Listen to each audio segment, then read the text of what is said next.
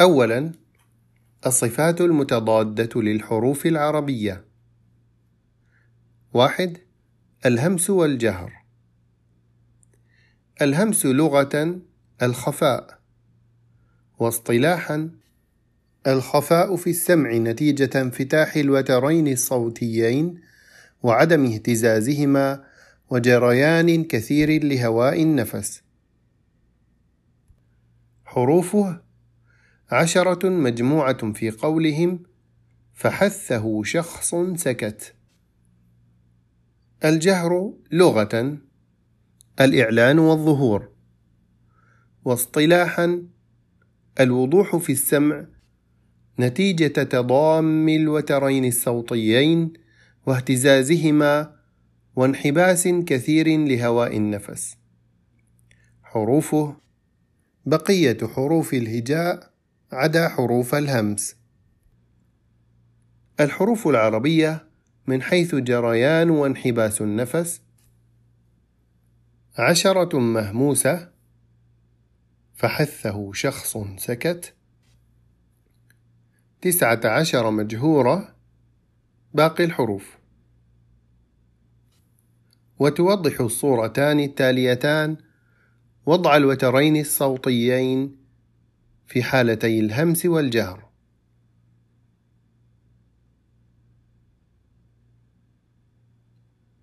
اثنان الشدة والرخاوة والبينية. الشدة لغة القوة. واصطلاحا انحباس جريان الصوت نتيجة غلق المخرج. حروفها ثمانية مجموعة في قولهم أجد قط بكت. وتوضح الصورتان التاليتان. الشدة في الجيم والكاف. كنموذج للأحرف الشديدة. وحروف الشدة. كلها مجهورة إلا الكاف والتاء. فهما من حروف الهمس. والتقسيم التالي يوضح ذلك. الحروف الشديدة. أجد قط بكت مجهورة قطب جد والهمزة مهموسة كاف تاء. وتوضح الصورتان التاليتان انطلاق الصوت بعد انحباسه في الحرف الشديد المجهور. فضغط الصوت المحبوس خلف المخرج وانطلاقه يحددان معالم الصوت. وتوضح الصورتان التاليتان انطلاق النفس بعد انحباسه في الحرف الشديد المهموس فهو شديد في أوله مهموس في آخره. الرخاوة لغة اللين واصطلاحا جريان الصوت عند مروره في المخرج. حروفها باقي الحروف العربية ما عدا حروف الشدة والبينية. والحروف الرخوة بعضها مهموس كالشين وبعضها مجهور كالزاي. وتوضح الصورتان التاليتان جريان الصوت فيهما. البينية لغة التوسط والاعتدال. واصطلاحا هي الجريان الجزئي للصوت في مخرج الحرف بسبب عدم كمال غلقه. حروفها خمسة مجموعة في قولهم لن عمر. وتوضح الصور التالية صفة البينية في حروفهما الخمسة. سبب البينية في حروف لن عمر. واحد اللام. عند النطق بحرف اللام تقرع أدنى حافة اللسان إلى منتهاها لثة الأسنان العليا. فيصبح الطريق أمام الصوت الخارج مسدودا من جهة وسط الفم مما يضطره إلى أن ينحرف عن يمين اللسان ويساره من جهة الحافتين ليتابع خروجه. فلما لم يكمل جريان الصوت عند نطق اللام ولم يكمل انحباسه عدت حرفا بينيا. اثنان النون. مخرجها مكون من جزئين. جزء لساني وهو طرف اللسان مع لثة الثنيتين العليين وهو جزء شديد لكمال انغلاقه عند نطق النون. وجزء خيشومي تخرج منه الغنة وهو صوت رخو قابل للجريان. وصفة التوسط هي محصلة هذين الجزئين. ثلاثة الميم. كالنون مخرجها مكون من جزئين.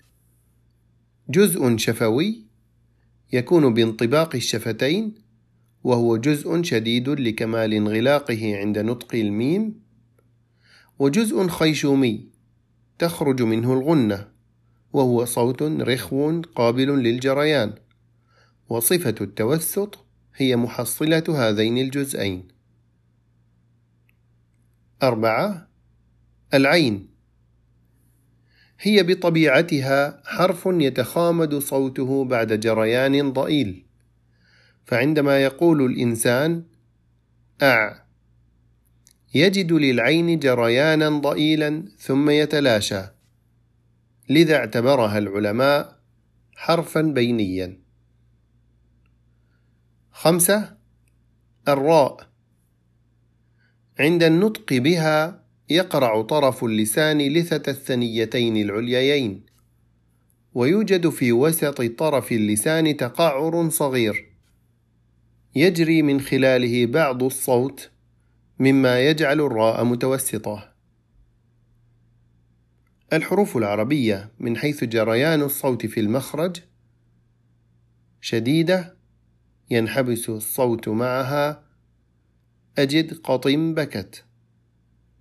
بين الشديدة والرخوة يجري جريانا جزئيا لن عمر رخوة يجري جريانا كاملا باقي الحروف.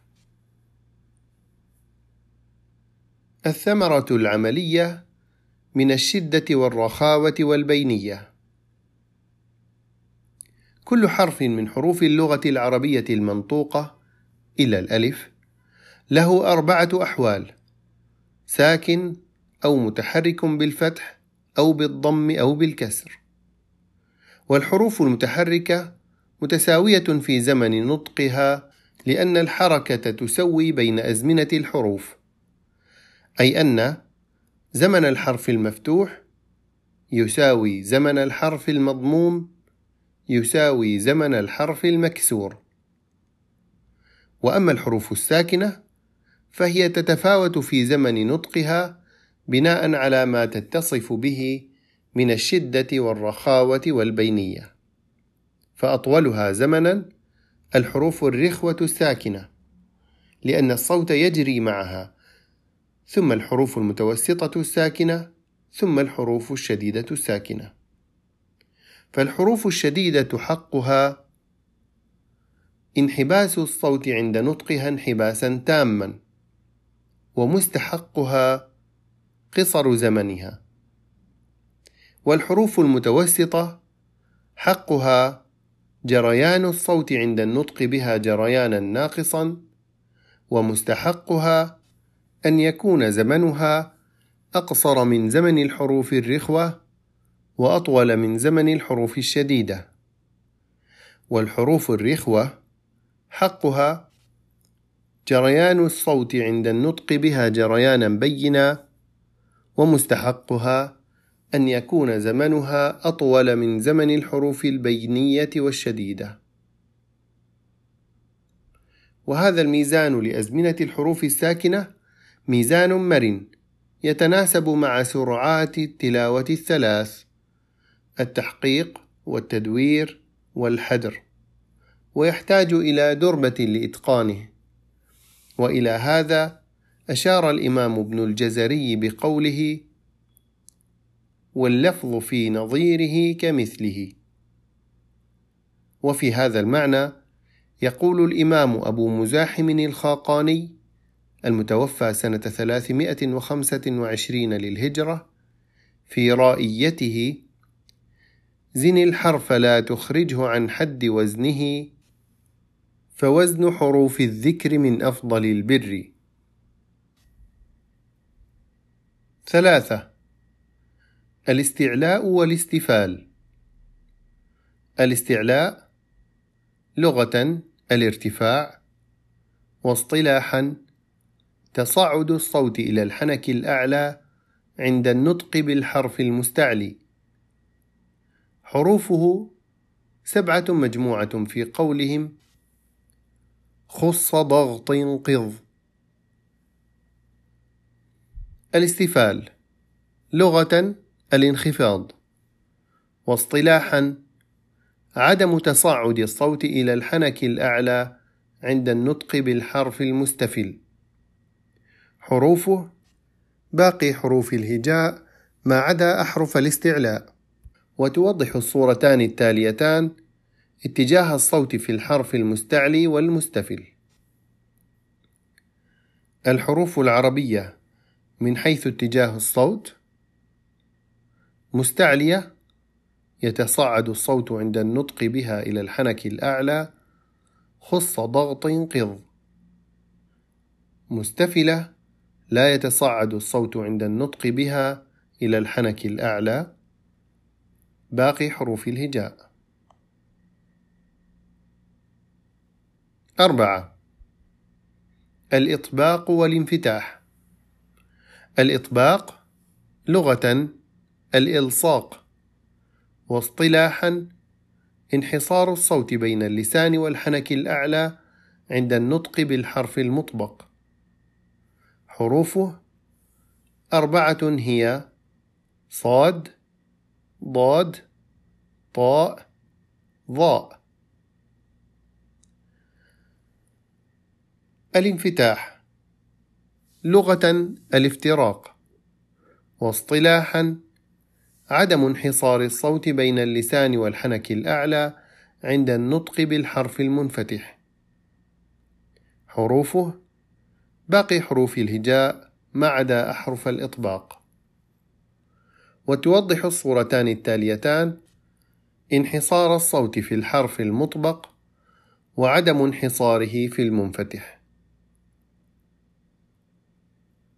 وتقارن هذه الصور الثلاث بين المطبق والمستعلي والمستفل.